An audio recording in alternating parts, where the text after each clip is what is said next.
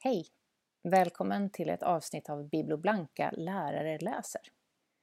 Jag heter Åsa och idag så tänkte jag läsa ett kapitel ur Per-Anders Fogelströms Mina drömmars stad. Vill ni läsa mer av boken så finns den att låna i skolbiblioteket när du är tillbaka. Romanen Mina drömmars stad av Per-Anders Fogelström tar sin början år 1860 i det så kallade ångans år. Den nya uppfinningen ångmaskinen hade gjort att tågen kunde gå allt fortare, att maskiner snurrade och att fabriker kunde producera mer och i allt snabbare takt. Bokens huvudperson, 15-åriga Henning Nilsson, har tagit sig till fots från Södermanland hela vägen till Stockholm och nu ligger staden som en silverbricka framför honom, full av möjligheter.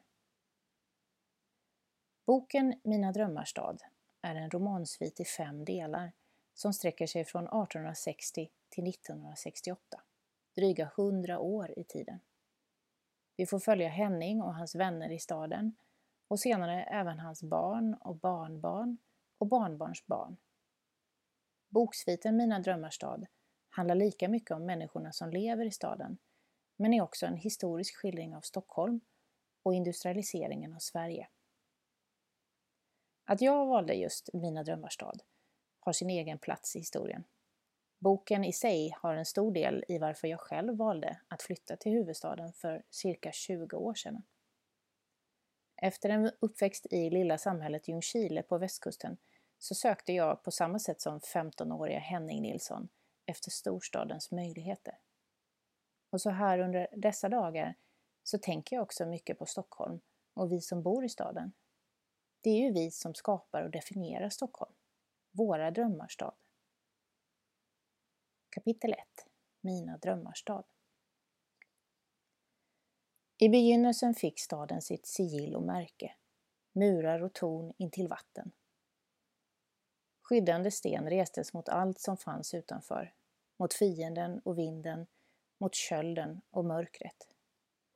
En gång hade staden legat hoprullad som en igelkott i en bergsgreva. Murarna både skyddade och skymde. I grändernas skumrask smög skvallret och farsoterna. Det som skyddades av murens styrka kunde dödas av dess stenkyla. Solen och vinden kom sällan åt att skura rent.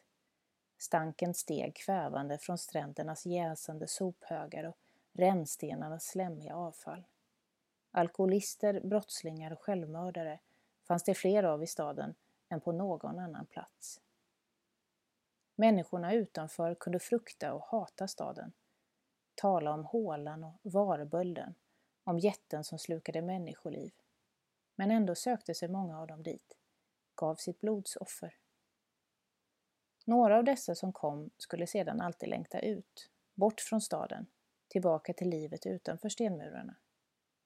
Ändå stannade de, fanns alltid något som hindrade. Och deras barn och barnbarn blev stadens och älskade stenarna. När de sa att sommaren nalkades hade de känt stenens värme och inte blommans doft. Staden var beroende av alla som drogs till den över vägar och vatten. Utan denna ständiga blodgivning skulle den dö. Människorna som föddes i staden var färre än de som dog där. Den väntade på honom, staden som så länge funnits i hans drömmar. Kvällssolen slickade tak och torn glänsande blanka, slängde glitter i vattenflikarna som smög in genom gyttret av hus. Grå berg reste kala klippor över trädgårdarnas och tobaksfältens frodiga grönska. Stad serverad på silverbricka, framsträckt som gåva.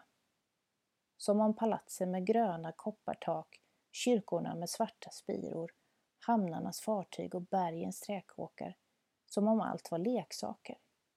Redo att gripas av ivriga händer, lockande nära, lättillgängligt. Grå rökpelare steg från Mälarsträndernas industrier, vittnande om möjligheterna. Staden väntade. På den 15-åriga pojken som ännu inte sett något av dess härlighet och på alla andra som sökte sig till den.